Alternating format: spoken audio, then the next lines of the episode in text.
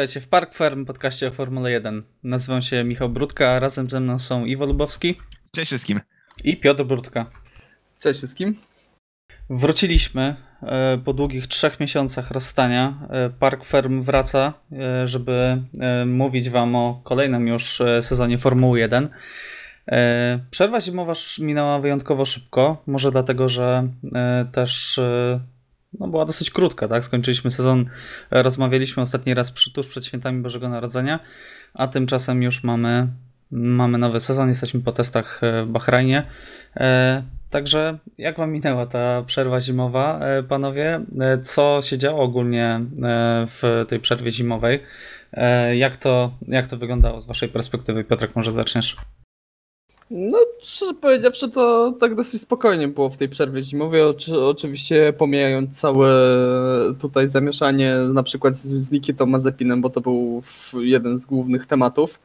E, jeżeli chodzi o przerwę e, zimową e, i kontrowersje z nim związane. Ale generalnie też trochę, trochę się mówiło o tym, że w tym sezonie będzie trochę mniejszy docisk, że Pirelli poprosiło właśnie, żeby dać oponom trochę odpocząć. No i z rzeczy dookoła Formuły 1, które mnie najbardziej interesują pod kątem bardziej przyszłości, myślę, E, to dość duże zmiany w Williamsie, e, jeżeli chodzi o osoby zarządzające całym projektem, jak i też działem technicznym. Okej, okay, czyli tak, e, jeżeli chodzi o takie plotki, ploteczki, jak to uwielbiał mówić Andrzej Borowczyk, to za dużo się nie działo. Natomiast pojawiło się mimo wszystko kilka ciekawych informacji E, na temat e, właśnie zespołów, e, przede wszystkim Williamsa, twoim zdaniem Williams tutaj przykuł twoją uwagę. Zakładam, że przez to, że w osobami zarządzającymi Williamsem teraz będą osoby mocno związane poprzednio z WRC. Tak, dokładnie. Osoby, które tworzyły, w dużej mierze tworzyły zespół WRC Volkswagena, także tutaj możemy już zasiać plotki, że Volkswagen wejdzie do WRC. ale tak naprawdę to... Mhm. Do WRC? E, tfu, do, nie, nie chciałbym powrotu Volkswagena do WRC, e, do Formuły 1, e, ale no, na dobrą sprawę stworzyli wtedy, Volkswagen w WRC stworzył machinę, która no, była kompletną, kompletnie zdominowała tam stawkę. No, taki Mercedes. Tak, tak, dokładnie. Taki Mercedes z zeszłego roku, na dobrą sprawę, przez pełne cztery sezony. Eee, także zobaczymy, jak sobie poradzi Jost Capito jako CEO Williamsa. W McLarenie tam nie do końca mu to poszło, dosyć szybko się pożegnali panowie.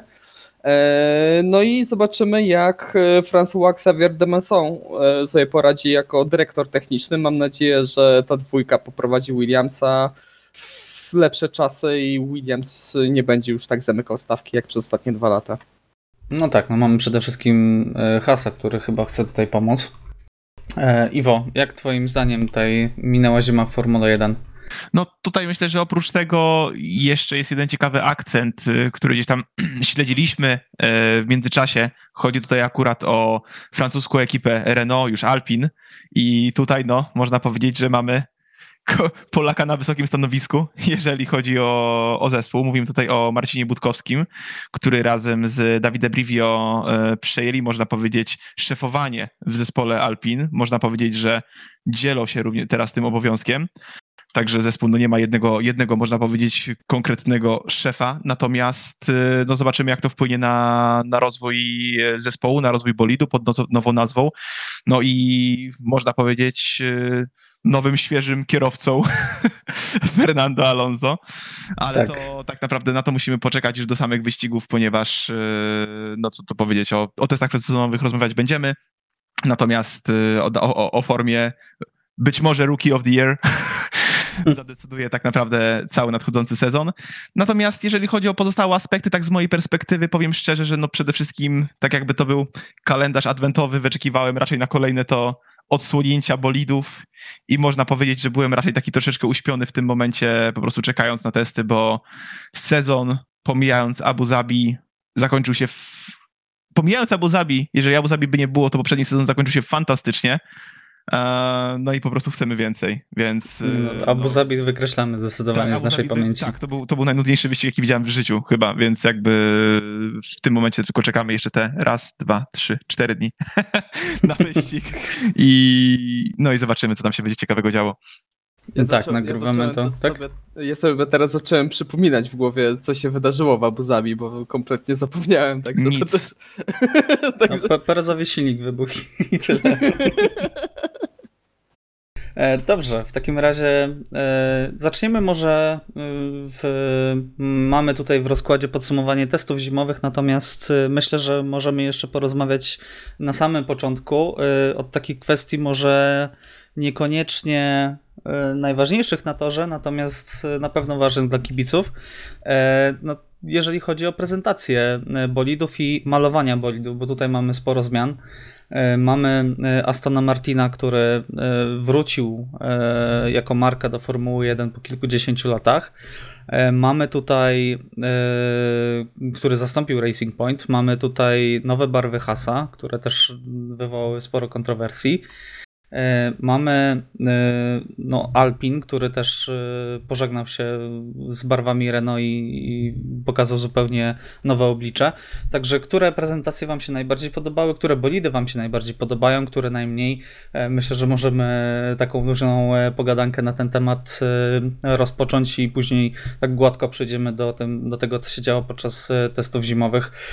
Iwo, jako tej estetę, zapytam Ciebie najpierw, który bolid najbardziej Ci się podobał, e, który najmniej? E, jakie jest e, tutaj Twoje zdanie? No, szczerze mówiąc, tutaj długo nie musiałem walczyć z myślami, bo no, dla mnie numer jeden jest zdecydowanie Aston Martin. Znaczy zdecydowanie. Powiem od razu, że Alpin stawiam na drugim miejscu. Natomiast Aston Martin przede wszystkim za swoją butelkową zieleń, za e, można powiedzieć w, w, dodanie y, koloru BWT w postaci różowego do auta uważam, że dało mu trochę tego charakteru i nie uważam, że jest brzydki. Wspominam o tym dlatego, że słyszałem bardzo wiele głosów o tym, że oryginalne malowanie, czyli y, to zielono-butelkowe pomieszane z kolorem, kolejnym kolorem Astona, czyli limonkowym, wyglądałoby jeszcze lepiej. Y, Wyglądałoby dobrze, natomiast czy lepiej, nie jestem w stanie powiedzieć. Natomiast bolid mnie zdecydowanie urzekł. Także zdecydowanie numer jeden. Drugie miejsce Alpin. Natomiast nie będę wymieniał wszystkich, mhm. ale chcę podać swój numer 10.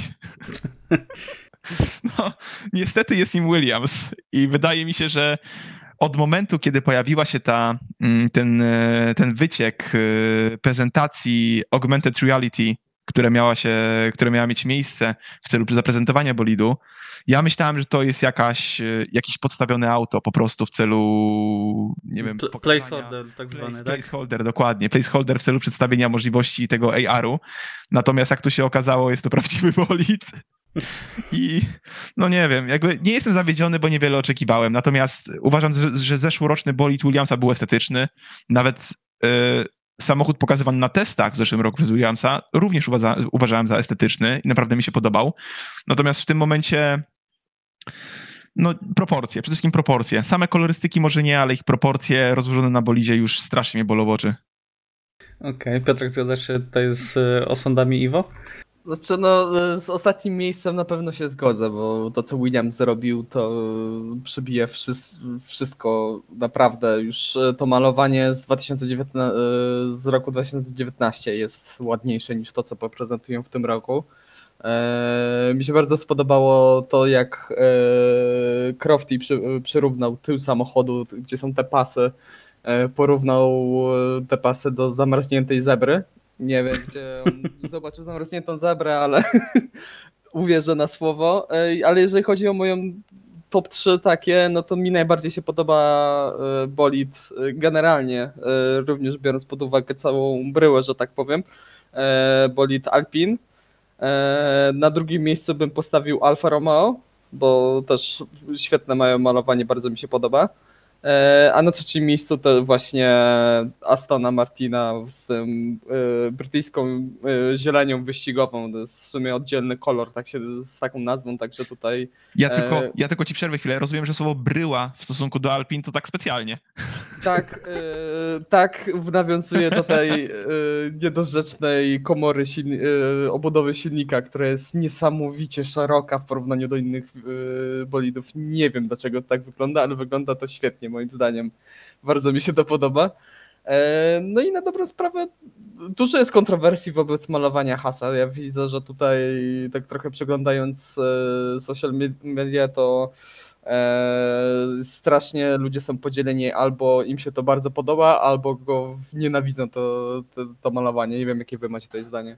Znaczy, tutaj e, jak zwykle w Formule 1 dochodzi trochę polityka. E, pojawiły się podejrzenia dla tych, którzy nie widzieli bolidu Has, dla tych, którzy nie do końca śledzą na co dzień Formułę 1. No bolid Hasa jest trochę rosyjską flagą.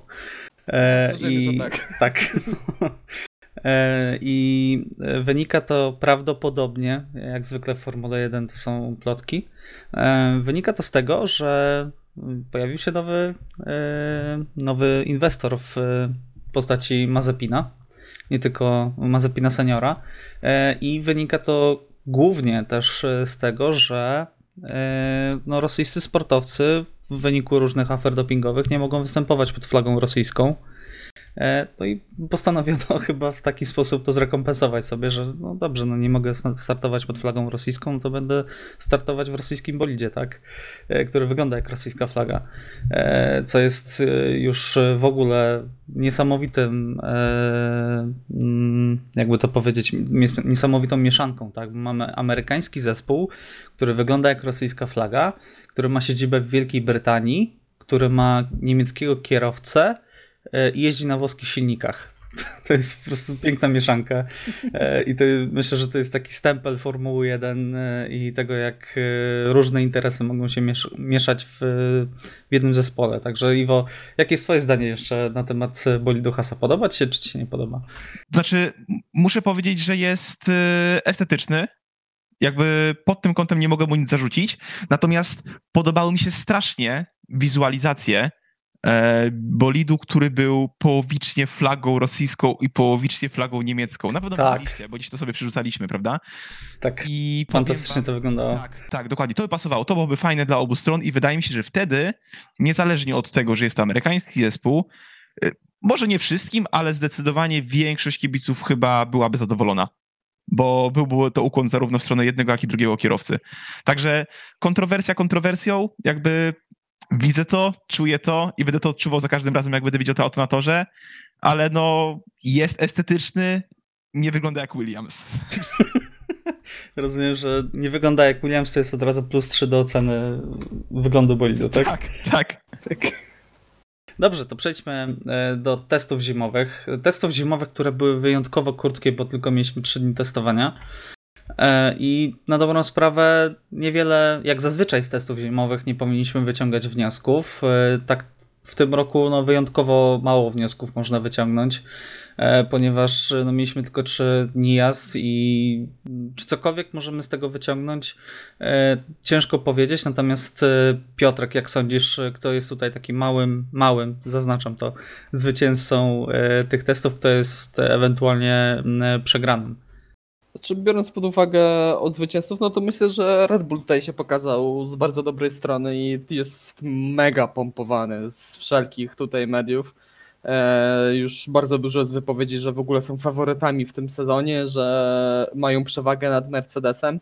Mi się w to nie chce wierzyć, e, głównie dlatego, że e, te, trzy, e, te testy miały trzy dni, a jak pamiętamy, Mercedes stracił praktycznie cały pierwszy dzień, bo rano mieli awarię skrzyni biegów, a następnie po południu się rozpętała burza piaskowa i na całym torze był piasek i ciężko było wtedy pewnie e, pozbierać jakieś sensowne dane.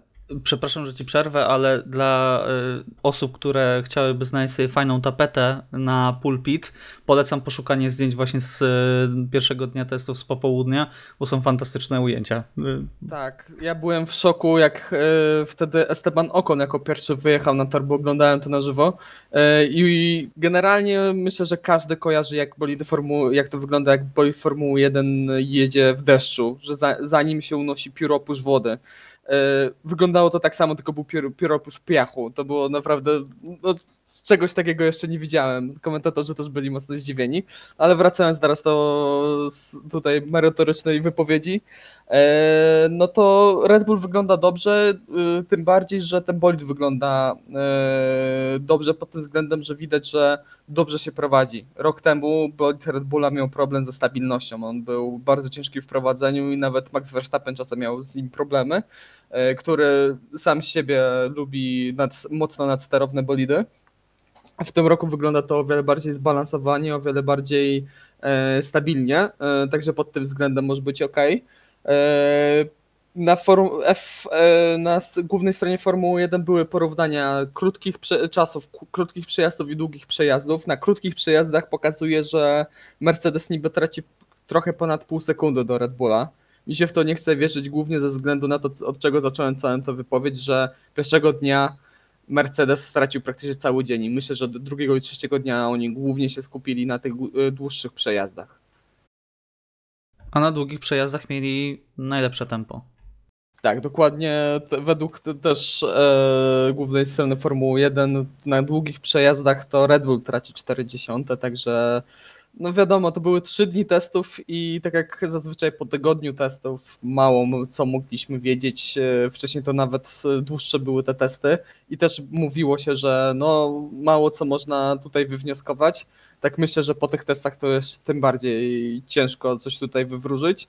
E, myślę, że na początku e, Red Bull rzeczywiście może być blisko Mercedesa, ale Mercedes jest znany z tego, że nawet jeżeli mieli jakieś problemy w przeszłości, E, w różnych rejonach samochodu, to oni bardzo szybko są w stanie zdiagnozować te, ten problem e, i go szybko wyeliminować. I myślę, że na przestrzeni całego sezonu znowu Mercedes mimo wszystko będzie, będzie lepszy. Okej, okay, bardzo optymistyczna wizja e, po siedmiu mistrzostwach rzędu w wykonaniu Mercedesa. No niestety, no. nie ma co, ja się nie oszukuję. Nie mam wielkich nadziei przed tym sezonem, naprawdę. Okej, okay, Iwo, e, kto poza Red, Red Bullem i Mercedesem wyglądał e, dobrze w testach zimowych? Znaczy, przede wszystkim najpewniejsza wydaje się ogólnie pierwsza piątka, która tak naprawdę jest y, po prostu nieruszona, bo zarówno jeżeli chodzi o długie, jak i krótkie przejazdy, tutaj po prostu naprzemiennie, można powiedzieć, y, wymieniały się e, McLaren, Aston i Alpine, z czego no Alpine gdzieś tam na tym najniższym stopniu tego pięciostopniowego podium, bo jeżeli chodzi o krótkie przejazdy, McLaren był zaraz za Mercedesem i też ciężko mi uwierzyć, żeby to były różnice wysokości trzech setnych sekundy. E, także tutaj gdzieś tam dałbym trochę do tego dystansu. Zresztą tak jak wspomnieliście o Mercedesie, no kolejna sprawa jest taka, że Mercedes jest tą ekipą, która faktycznie straciła e, pierwszego dnia, natomiast chodzi o to, że jest to ekipa, która też może sobie pozwolić na to, żeby nie cisnąć maksimum podczas testów, ponieważ też wiedzą, na co stać ich bolid. Domyślam się. Nie sądzę, żeby koniec z DASem sprawił, żeby Mercedes nagle spadł na drugą trzecią pozycję w stawce. Także no, to jest jakby niemożliwe. E, no widać wzrostową formę Ferrari, co cieszy, aczkolwiek no nie napawa dalej optymizmem to, że raczej nie powalczył o trzecią czy czwartą pozycję w dalszym ciągu. Moim zdaniem. Także no zobaczymy, jak się rok rozwinie.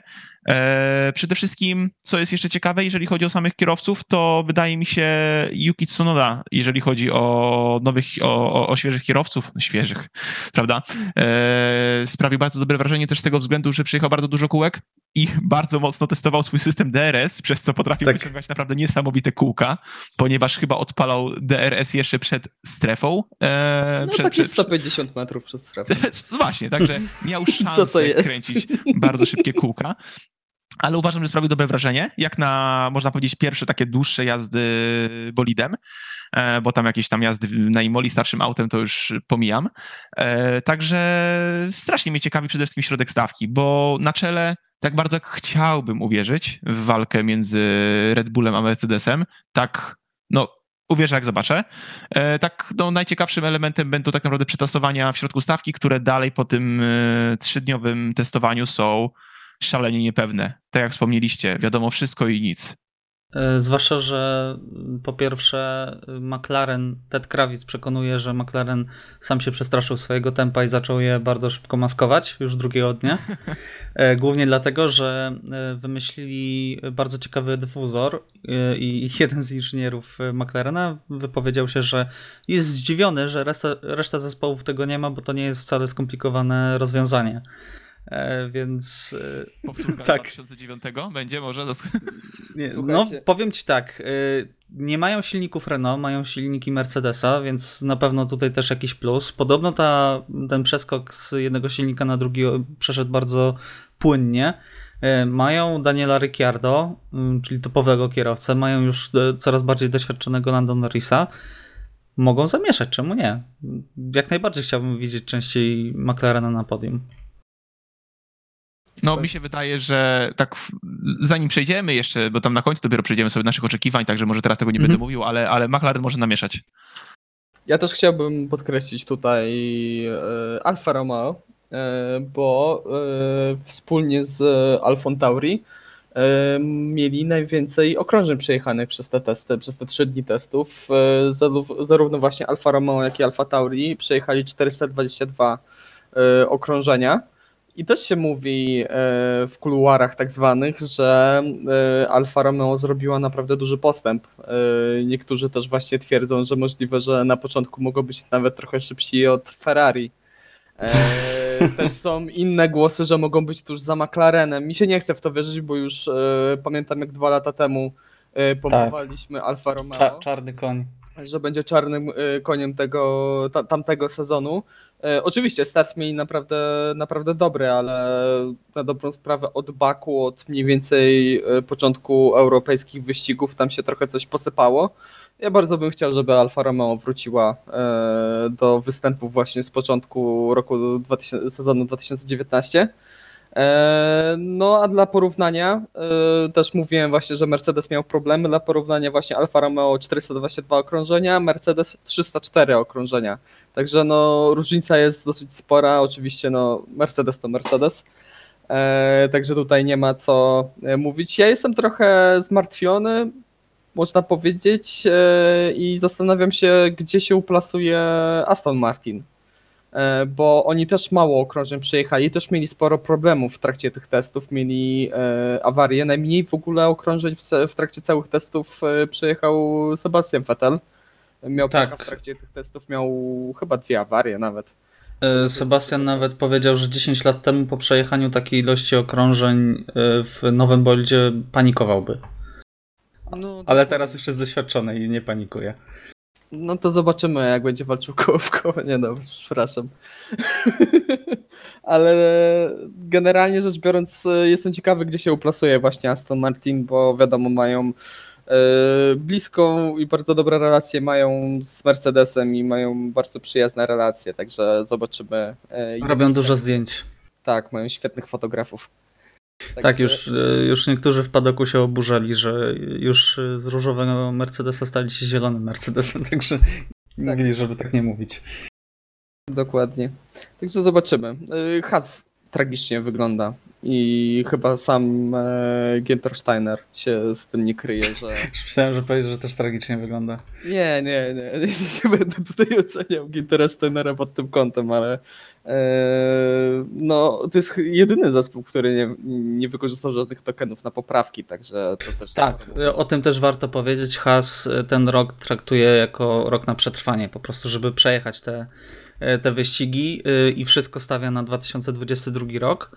E, oczywiście nie ma co się spodziewać, że zespoły, które na początku sezonu będą miały słabe wyniki, nagle rzucą wszystkie ręce na pokład, żeby poprawić bolid, który po tym roku odejdzie w ogóle w zapomnienie. Więc też w ogóle nie spodziewałbym się jakichś strasznie dużych update'ów, jeżeli chodzi o Mm, osiągi y, bolidów w trakcie sezonu, e, bo jednak mamy przed nami rewolucję e, przepisową, która będzie w przyszłym roku e, i zespoły już na 100%, każdy z zespołów pracuje nad, nad nowym bolidem.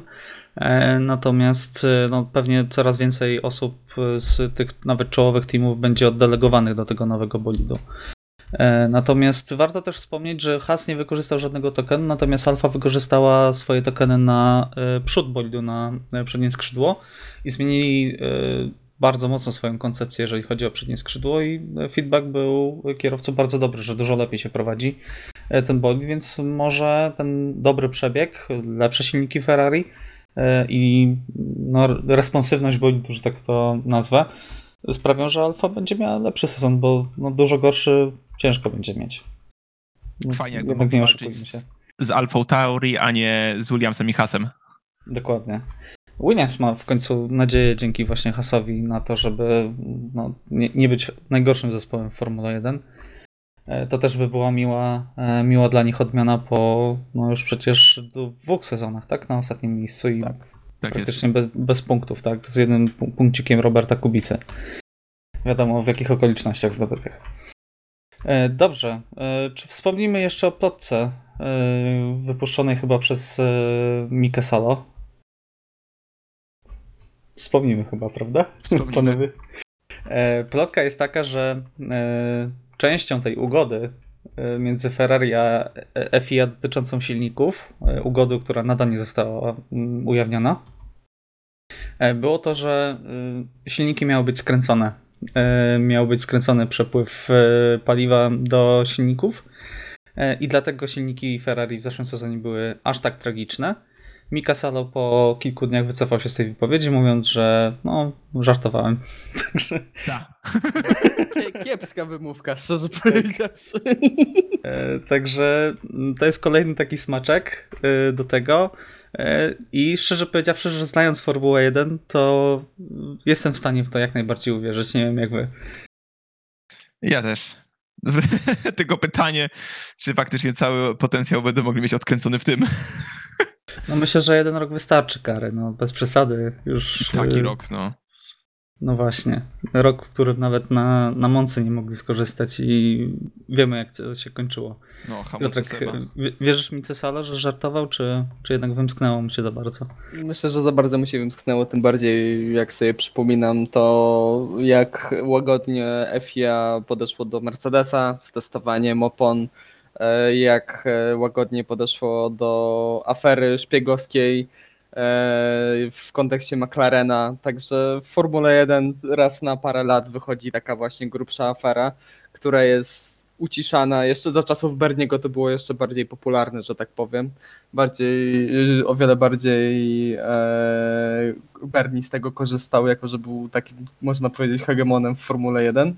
E, także ja jestem w, gotowy naprawdę uwierzyć, że do czego, czegoś takiego doszło. No i mam nadzieję, że też, że fer e, silniki Ferrari w tym roku będą się lepiej sprawowały i że Ferrari już e, zacznie chociażby regularnie punktować, chociaż to brzmi dość e, niedorzecznie pod kątem właśnie tej ekipy. No tak. Bo pod koniec zeszłego sezonu już nawet z punktowaniem zaczęli mieć problemy. No to było przykre. Przykro się patrzyło na Ferrari w tak fatalnym stanie. Ale mamy nowy sezon, mają Carlosa Sainza, także może ta świeża energia w ramach tego zespołu e, przyniesie jakieś efekty. Dobrze, e, to myślę, że mm, temat testów możemy, możemy za, e, zakończyć. Trzy dni jednak trochę się działo. Jest, jest jeszcze jeden temat narzekający Fernando Alonso. Piotrek, jako wielki fan Fernando, może przytocz tej wypowiedź Fernando. No, nie pamiętam dokładnej wypowiedzi Fernando, ale mniej więcej było, że no, bolid jest wolniejszy niż się spodziewał. Eee, także, Zaskoczenie. Także Fernando Alonso już zaczyna. Ja myślałem, że on chociaż poczeka do pierwszego weekendu wyścigowego, do pierwszego wyścigu z narzekaniem na zespół.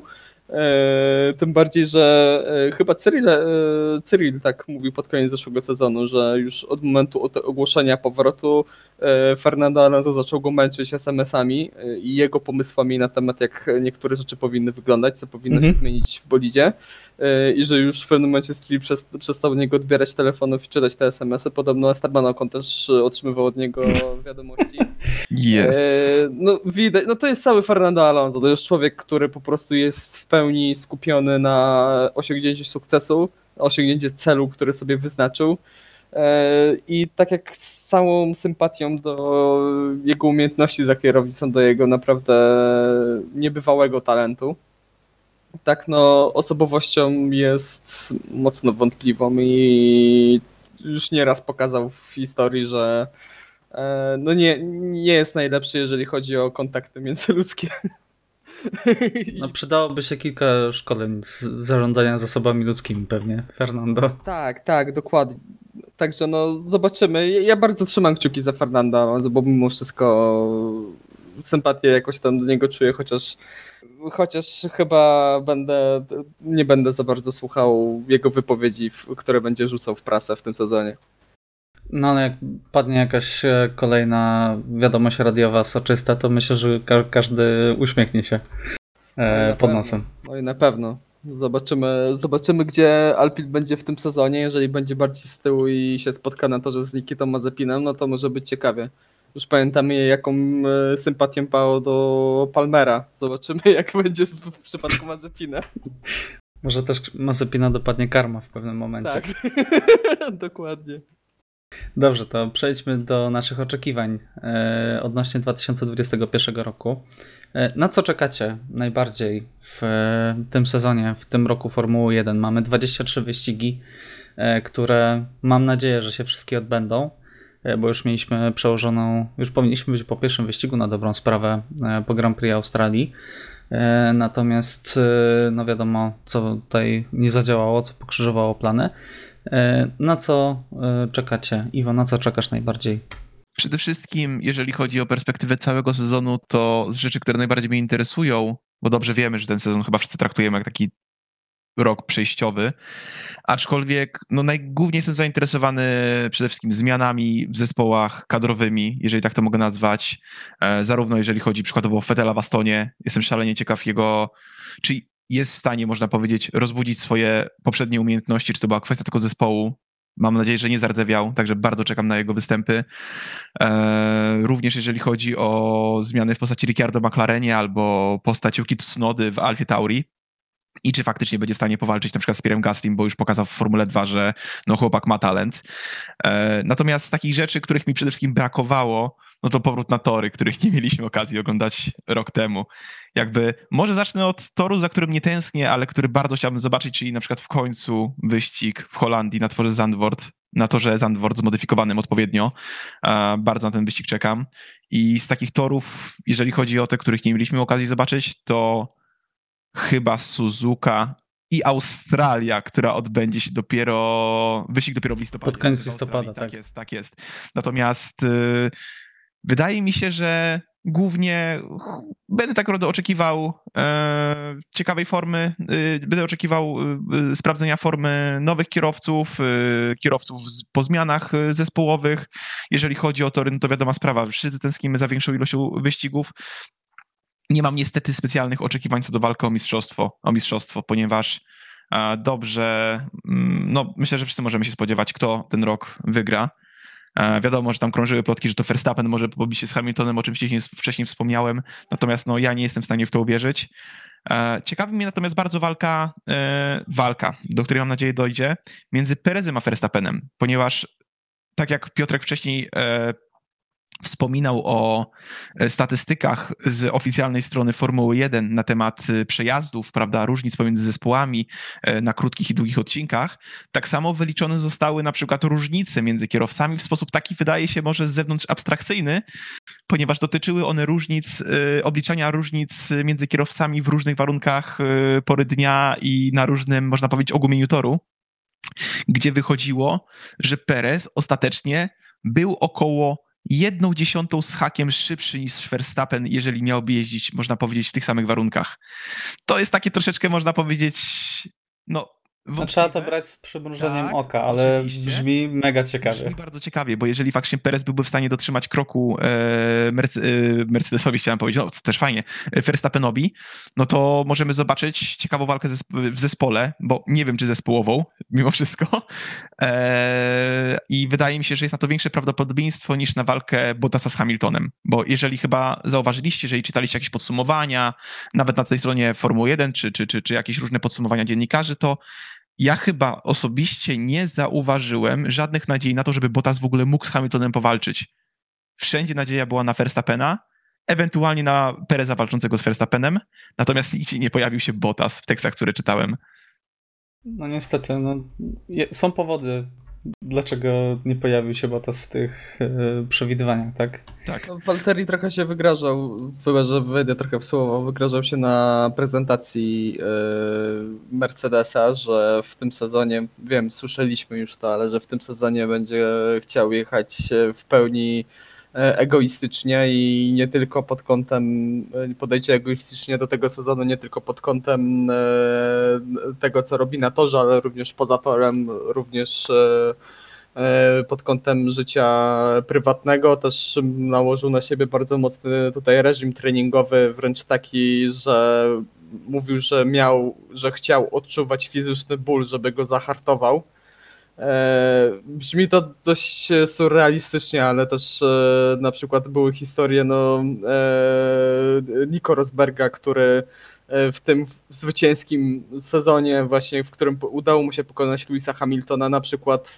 w ogóle się nie opiekował swoimi dziećmi i spał w oddzielnym pokoju niż swoja żona, tylko dlatego, żeby być cały czas jak najbardziej skoncentrowanym i nastawiać się jak najbardziej na ściganie i na wyścigi i na pokonanie Louisa Hamiltona, także Zobaczymy. To by, to by była niesamowita historia, gdyby Bottas pokonał Hamiltona, zabrał mu ósmy tytuł.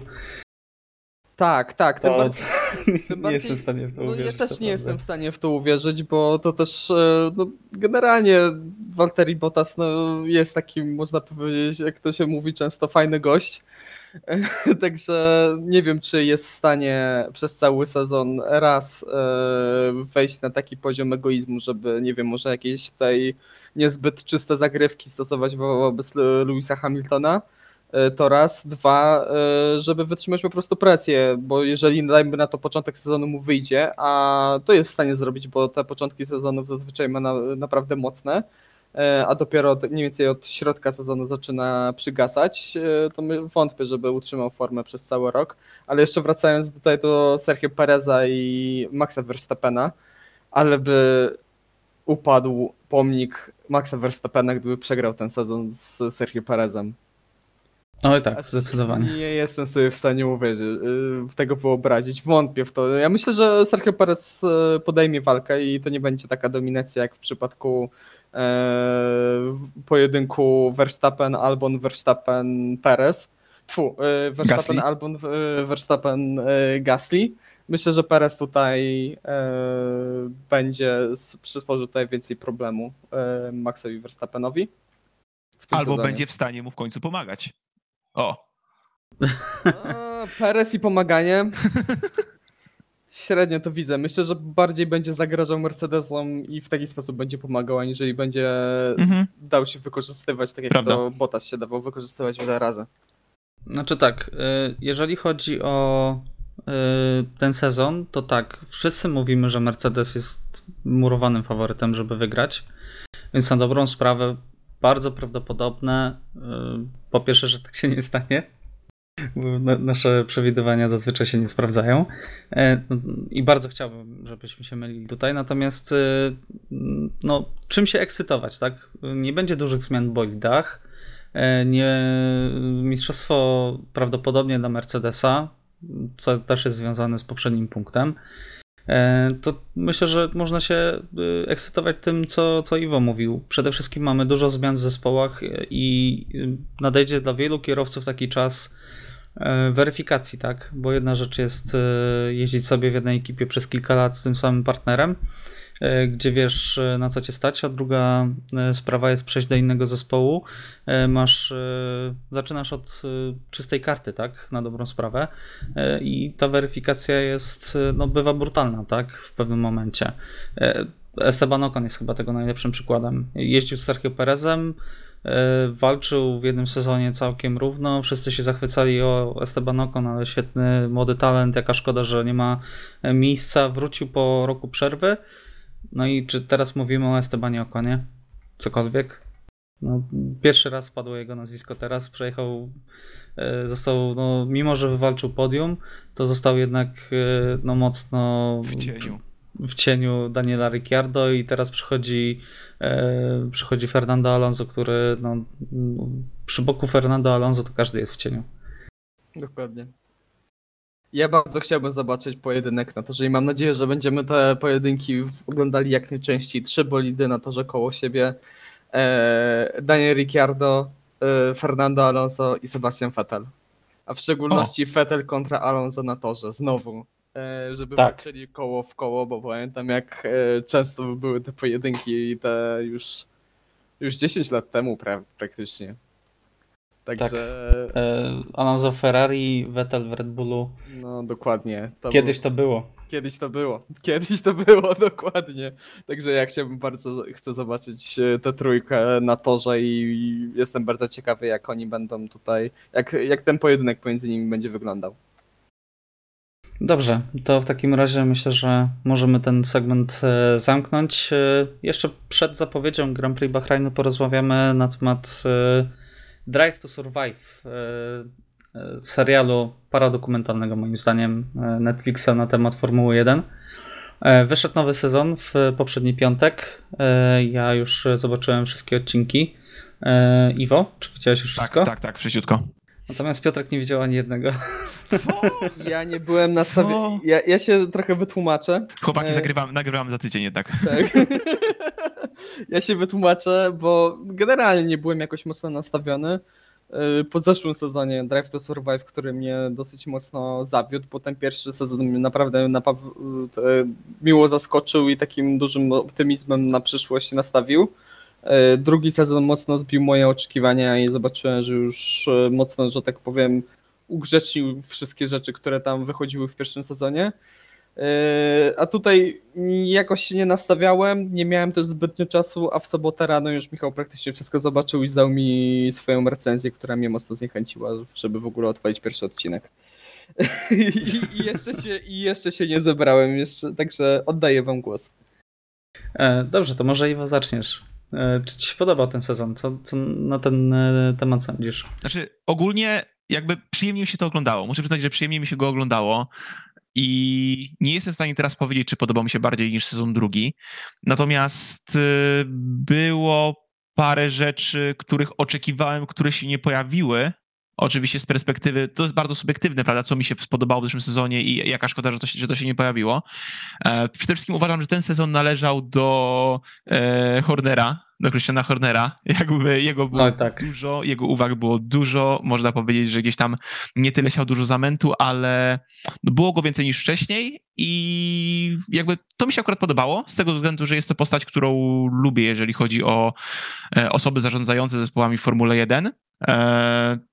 Można powiedzieć, że próbował, może nie próbował tyle się wybielić w sytuacji z Aleksem Albonem, natomiast gdzieś tak przedstawić, w jakiej sytuacji Red Bull się postawił, co było bardzo istotne, bo był to jeden z takich trzonów, można powiedzieć, całego sezonu. Historia Aleksa Albona. Można powiedzieć, że ona się przewijała przez parę odcinków i była ona kluczowa, ponieważ nawet jak skupialiśmy się na, na, na zwycięstwie Pereza, e, nawet jak e, rozmawialiśmy o... Był odcinek poświęcony Gasly'emu, który bardzo mi się spodobał, ponieważ historia Gasly'ego z zeszłego roku jest dla mnie niesamowita. Zresztą ostatnich dwóch lat tak naprawdę jest niesamowita i jaką drogą, drogę ten kierowca przeszedł. I można powiedzieć, że epizod e, z Pierrem Gaslym też to w jakiś sposób zwieńczył. E, szczególnie, że dalej uważam, że no Pierre Gasly był najlepszym kierowcą zeszłego roku, jeżeli mam to, jeżeli mam ocenić swojego, można powiedzieć, swoją czołówkę. E, tak, zabrakło mi przede wszystkim, jeżeli chodzi o elementy, które mi się w sezonie nie podobały, zabrakło mi Williamsa, zabrakło mi pożegnania, pożegnania Williamsów, Claire Williams, e, jeżeli chodzi o. Chyba na Monzie, prawda? To był, Monza to był ostatni wyścig. Zabrakło mi czegoś więcej niż tylko wspomnienia o tym fakcie. Zabrakło mi George'a Russella w Sakirze. Jakby to jest element, który spodziewałem się, że któremu będzie poświęcony cały odcinek i nie obraziłbym się. Jako, że może nie jestem olbrzymim zwolennikiem e, samego Williamsa, jak i już wystarczająco nasłuchaliśmy się o George'u, tak byłem zachwycony jego występem i całym wyścigiem, tak nie było o nim praktycznie nic oprócz Pereza. Co oczywiście również było bardzo, bardzo ładną historią i, i dowodem świetnej jazdy tego kierowcy. E, z rzeczy, które były ciekawe, to wydaje mi się mała wojenka w McLarenie między kierowcami, coś czego chyba nie wszyscy byli świadomi, e, czego nie wszyscy byli świadomi oglądając, można powiedzieć, memy i filmiki na YouTubie z kanału McLarena. E, no i jeszcze jeden jest punkt, Papa Stroll. Jednak to jest groźny gość. I można powiedzieć nawet na spojrzenie na szefów zespołów, czyli takie zestawienie Hornera ze Strollem przykładowo, e, warto ten sezon obejrzeć, ponieważ e, to są takie niuanse, myślę, że takie w miarę ciekawe, jeżeli chodzi o osoby, które nawet nie są stricte zainteresowane bezpośrednio samymi, samymi, samymi wyścigami. Natomiast troszeczkę za dużo Alexa Albona, trochę za dużo, można powiedzieć, tej smutnej mimo wszystko historii. To mnie trochę zmęczyło, ale było sporo ścigania i chyba to jest rzecz, która można powiedzieć była lepsza niż w zeszłych sezonach. Było dużo więcej ścigania samego w sobie i świetnych ujęć, za co naprawdę mogę wszystkim ten sezon w takim razie polecić. Jednak za ujęcia, e, których też wcześniej części z nich w sumie nie mieliśmy okazji zobaczyć, nawet na jakichś tam powtórkach czy analizach. Ogólnie dla mnie to jest takie 7 na 10. Jakby był to dobry sezon, nie jestem zachwycony, ale oglądając bawiłem się dobrze. Był dosyć lekki, w ten sposób powiem. Okej, okay. E, to w takim razie ja w zupełnej kontrze do tego. E, uważam, że e, przeczytałem dzisiaj ciekawe zdanie na temat Drive to Survive, że to jest serial o F1 nie dla fanów F1. I coś w tym jest, bo zdecydowanie targetem nie są fani Formuły 1 E, tylko osoby, które od czasu do czasu coś tam usłyszą, e, coś tam przeczytają, czegoś się dowiedzą, ale wyścigów e, niekoniecznie oglądają. Dlaczego? Ponieważ no, w wielu miejscach jest to po prostu zmanipulowane. To, co powiedziałeś o McLarenie, no to dla mnie to już był szczyt po prostu jakiejś manipulacji i wyciągania rzeczy, których w ogóle nie było bo tyle ciekawych rzeczy, tak jak mówisz, do pokazania. Było Grand Prix Turcji, y, które w ogóle Właśnie, nie było Turcji pokazane. Nie było. Y, on. Podium Fetela razem z mistrzostwem Hamiltona. Był, Przecież to było doskonałe, faktycznie. Był Hulkenberg, który wrócił do Formuły 1 i miał szansę zdobyć to podium, ale ostatecznie go nie zdobył. To też, a tutaj w ogóle ten temat przemilczany. E, był temat e, wymyślony zupełnie właśnie e, konfliktu niby między kierowcami, gdzie ta wypowiedź Lando Norrisa skręcił w moim kierunku, to została wyciągnięta w ogóle z innego wyścigu. Bo był, dodając kontekst osobom, które nie oglądały, Piotrek, uwaga. Tak. Była scena, w której w drugim wyścigu zespół poprosił Lando znaczy Sańca, żeby przepuścił Lando, bo akurat znalazł się w lepszej sytuacji e, i mógł gonić e, bolidy z przodu, tak? Normalna sytuacja w Formule 1. Natomiast tutaj zrobili z tego otoczkę, że Carlos przechodzi do Ferrari i odsuwamy go od wszystkiego i Carlos już jest zły. I teraz Lando jest super, Lando jest świetny i Lando będzie po prostu tutaj rozdawał karty. I w momencie, w którym Lando wyprzedza Carlosa, jest wstawione y, bodajże z Grand Prix w Bahrajnu, kiedy Perez zbliżył się niebezpiecznie, blokując, chciał zablokować wyprzedzanie przez Norrisa i Norris powiedział, on y, skręcił w moją stronę. I dodali to do y, wypowiedzi właśnie w tym kontekście, mówiąc, że no Sainz oszalał po prostu, Sainz po prostu jest zły i tutaj jest już konflikt i ta przyjaźń, przyjaźń między nimi zginęła. I Najlepsze jest to, że tydzień przed premierą tego sezonu y, Carlos wrzucił na Instagrama y, filmik, jak sobie gra w golfa z Lando. Także no, przyjaźń między nimi naprawdę umarła. Tutaj konflikt y, jest, był tak ogromny, że już nie odzywają się do siebie. I no dla mnie to jest. Ja rozumiem, że to nie, nie musi być jeden do jednego wyścig pokazany, są rzeczy, które mi się podobały w Drive to Survive. Cała dynamika między e, Toto a Christianem Hornerem jest po prostu fantastyczna. I sposób, w jaki e, e, jest scena, w której Horner podchodzi do Toto i mówi, że wiesz, że oprotestujemy DAS. A on mówi, no tak, no, okej, okay, no, ale musisz przyznać, że świetne rozwiązanie, nie? Genialne. A Horen mówi, no po prostu jakbym miał przyciągnąć kierownicę do siebie, to bym chyba zemdlał. to jest świetne i to, to takie rzeczy chciałbym oglądać, tak? Albo w ogóle cały odcinek z Ginterem Steinerem, który już po trzecim wyścigu słyszy, że no, Gin Haas zakręca kurek i masz sobie znaleźć, yy, znaleźć sponsorów, bo zespół nie przetrwa, no i powodzenia, nie? Także jest mnóstwo takich fajnych naprawdę rzeczy, Natomiast są rzeczy kompletnie zmanipulowane i po prostu y, podkręcone do maksa.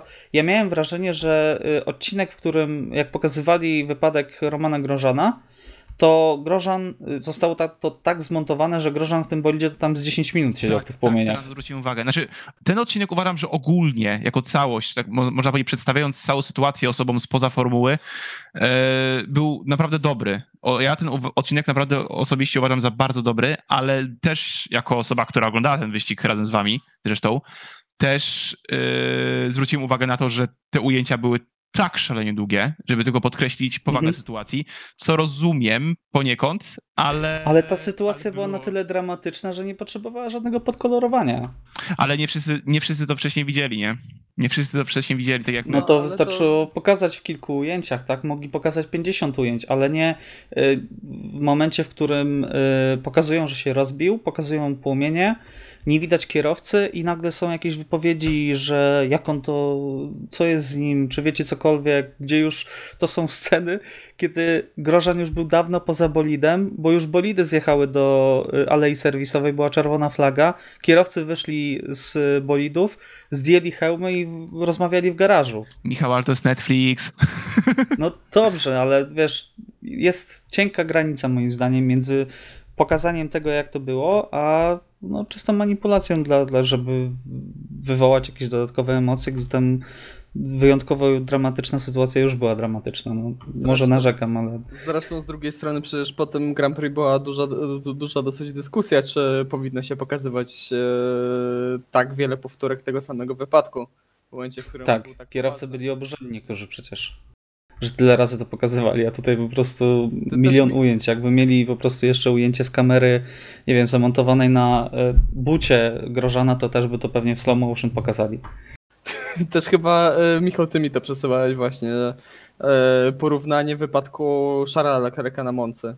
O tak, to też, też jest kolejny świetny przykład. Też na dobrą sprawę z tego, jak to wyglądało właśnie pokazane przez Netflixa, że Charles tam przez jakieś dobre też 20-30 sekund się nie odzywał do inżyniera, a w, w rzeczywistości to rzeczywiście po wypadku było 10 sekund ciszy, ale później jak e, inżynier się zorientował, no, co się wydarzyło, zapytał Charla, czy wszystko ok, no to wtedy po dosłownie dwóch sekundach Charles mu odpowiedział, także no wiadomo, że to jest Netflix, wiadomo, że muszą niektóre rzeczy podkoloryzować. Tam w pierwszym sezonie też niektóre rzeczy były podkoloryzowane. Tak, pamiętam, najbardziej mi zapadł, zapadło w pamięć e, to, że e, między e, Carlosem Sainzem a Fernando Alonso była jakaś większa rywalizacja o to, kto będzie lepszym Hiszpanem w Formule 1.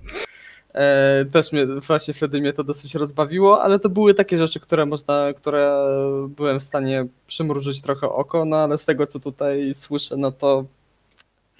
Znaczy tak. Y, ja nadal obejrzę kolejny sezon Drive to Survive, ale y, może nie wiem, może mam złe po prostu podejście, y, bo jednak no chciałbym, żeby to pokazywało jednak to, co się wydarzyło naprawdę i Drive to Survive oglądam głównie dlatego, żeby poznać te rozmowy zakulisowe, te smaczki, te jakieś, nie wiem, docinki między e, szefami zespołu. Przecież e, jest fantastyczna scena, jak przed e, jednym z wyścigów podchodzi Otto Schaffnauer do Cyrila Abitbula, patrzy na skrzydło Renault i mówi, ej, to nasze skrzydło jest. A, a Cyril e, z uśmiechem na twarzy, zrobiliśmy dużo zdjęć. Także wiesz, to, to, są piękne smaczki. To jest po prostu fantastyczne, że mają po prostu możliwość podsłuchiwania w taki sposób i, i widać te relacje e, ludzi. E, natomiast no, po co to podkolorować jeszcze dodatkowo, kiedy tak jak napisaliśmy, było mnóstwo historii, których nie opowiedzieli, a po prostu skupili się na rzeczach, które po prostu sobie z góry ustalili. Ustalili sobie odcinek pod tezę i szukali po prostu wszystkiego, żeby tę tezę sobie e, w jakiś sposób udowodnić. Także moim zdaniem takie 4 mm, na 10 za Christiana Hornera. No ja chyba, z, ja po prostu z, z założenia podszedłem do tego bardzo na lekko, faktycznie, gdzieś tam zdając sobie sprawę, że czego możemy oczekiwać i jakoś widziałem to, co ty widziałeś, ale nie doszukiwałem się w tym prostu dużego problemu osobiście. Natomiast y, tak, no, jest to Netflix, jest to podkoloryzowane, więc też liczymy po prostu, że każdy, kto, jeżeli oglądacie e, faktycznie, drodzy słuchacze, bez z dużej znajomości Formuły 1, to też radzę gdzieś to traktować z przymrużeniem oka. Natomiast ujęcia dalej uważam, że są niesamowite i sezon na Ujęcia super. Lepsze. Tak, tak, oczywiście. No, technicznie jest, jest fantastycznie jest zrealizowane. E, są po prostu fantastyczne te ujęcia i naprawdę od strony, nie wiem, montażowej, jakkolwiek się na tym nie znam, nie jestem ekspertem, tak wygląda to bardzo ładnie, tak? I nie można się doczepić. Dobrze, e, żeby nie przedłużać, bo już e, matko, prawie godzinę gadamy. A ja wyścigu nie było. A nawet wyścigu nie było, dokładnie. E, także zapowiedź Grand Prix Bahrainu, panowie, czego się spodziewacie? Jakie są wasze przewidywania? Już tak krótko, bo rozmawialiśmy o tym Bahrainie całkiem sporo, także może same przewidywania. Iwo, kwalifikacje, wyścig, kierowca dnia. Zaczynamy nasze, naszego typera na sezon 2021. Okej, okay, to szybko. Bottas, Bottas, Verstappen. Jednak no Bottas hat-trick, no musi wygrać trzeci wyścig z rzędu, jeżeli chodzi o wyścigi początkowe. To poczekaj, kwalifikacje Bottas, wyścig Bottas, a driver of the day Verstappen? Mimo wszystko tak. Okej. Okay. Zrobi coś, zrobi coś, zajmie drugie miejsce, wygra z Hamiltonem walkę może w pierwszym wyścigu. W sumie Verstappen nie musi tak dużo zrobić, żeby zostać Tak, dokładnie. Także to jest pomarań pomarańczowe głosy się posypią, mówię wam. Okej, okay, dobra. Piotrek? Jeżeli chodzi o kwalifikacje, to Verstappen, wyścig Bottas, driver of the day będzie Fernando Alonso. Ukradłeś mi. Ajajaj. e, no dobrze. Ale widzę, że strasznie dużo nadziei was. Tak mówicie, że o Mercedes, Hamilton, Mercedes, Bo Hamilton. No ja tutaj... głównie się wypowiadałem o yy, pod kątem całego sezonu.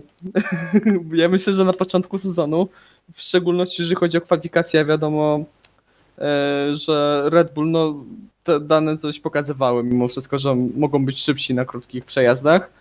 E, no to mam nadzieję, no, mam, nadzie mam nadzieję, że Red Bull będzie mniej więcej na równi na początku sezonu z Mercedesem. Okej, okay. to moim zdaniem e, kwalifikację wygra Hamilton, wyścig wygra Max Verstappen, no i kierowcą dnia zostanie Max Verstappen. Także stawiam na to, że jednak siła na jednym okrążeniu e, będzie za mocna Mercedesa. Natomiast jeżeli chodzi o wyścig, to może się zepsuje jakiś Mercedes Hamiltona dla, dla odmiany po dwóch latach, prawda? O, tak, będzie znowu Bottas 5-0. Skrzynia biegów może. Jest jedna rzecz, kolejny. muszę, teraz jak powiedzieliśmy o Bottasie, jest jedna rzecz, którą ty muszę szybko wspomnieć o poprzednim sezonie, co mi się bardzo, nie, tego Drive to Survive, co mi się strasznie nie spodobało. Jakby odcinek o zwycięstwie Bottasa w Rosji. Nie wiem, Michał, jak ty to odebrałeś, ale to tylko, że tak powiem, utwierdziło mnie w przekonaniu, jak bardzo niestosownym był szczęśliwy okrzyk zwycięstwa po tym tak. wyścigu. To jest po prostu niemożliwe. Przeczytał jednego tweeta, który był w jakiś sposób go tam wyśmiewał i już to whom my concern. E, no, no, Bottas chciał, e, Walteri mam wrażenie, że tym odcinkiem chciał, nie wiem, podbudować siebie, zrobić siebie takiego, no właśnie zerwać z tym e, wizerunkiem miłego gościa i zrobić siebie takiego, takiego trochę bad boya. Szalony zakwalifikował się na trzecim miejscu w Rosji, specjalnie. Specjalnie, tak. Specjalnie puścił Verstappena, dał mu cienia aerodynamiczne. 200 IQ. tak. Natomiast no wyszło moim zdaniem to trochę no, żałośnie. Tak, tak z politowaniem. Też, też e, no, ciekawe na ile to właśnie Netflix mógł podkoloryzować niektóre No to tym bardziej, tak. E, no tam oczywiście już to to wściekły, co to ma znaczyć. 10 komunikatów radiowych, żeby nie puszczaj go, nie puszczaj go. Ale, ale i tak nie, nie wspomniane, wiesz, po prostu e, reakcja po zwycięstwie, gdzie wygrał tylko dlatego, że Hamilton dostał karę, nie? Tak, tak. Swoją drogą no, ta, ta, ta reakcja nawet pomijając jakiekolwiek konteksty była dosyć średnia, bo jeszcze ten oryginalny, pierwotny ten komunikat radiowy to można było zrozumieć, bo tam e, pomiędzy sezonem jednym a drugim był przerównywany do zwierząt domowych, także Jestem w stanie zrozumieć frustrację Walteriego, ale no tam w Rosji było to trochę niesmaczne. No dobrze, w takim razie rozpoczynamy piękny sezon F1. E, nagrywamy to w środę wieczorem, także zostało niewiele ponad 48, e, no już poniżej nawet 48 godzin e, do pierwszej sesji piątkowej. Kwalifikacje i wyścig są o godzinie 17. Pamiętajcie, że w niedzielę jest zmiana czasu na letni, także uważajcie na zegarki. E, I słyszymy się wkrótce, tak? E, słyszymy się wkrótce. Po pierwszym wyścigu na pewno będziemy już mieli jakieś e, przemyślenia. W końcu będziemy wiedzieli mniej więcej, wiedzieli mniej więcej, gdzie są poszczególne zespoły, natomiast o przerwie zimowej, testach, Netflixie i malowaniach różnych bolidów rozmawiali Iwo Lubowski, Dzięki, do usłyszenia. Piotr Brudka Dzięki wielkie, cześć. i Michał Brudka. Trzymaj się, cześć.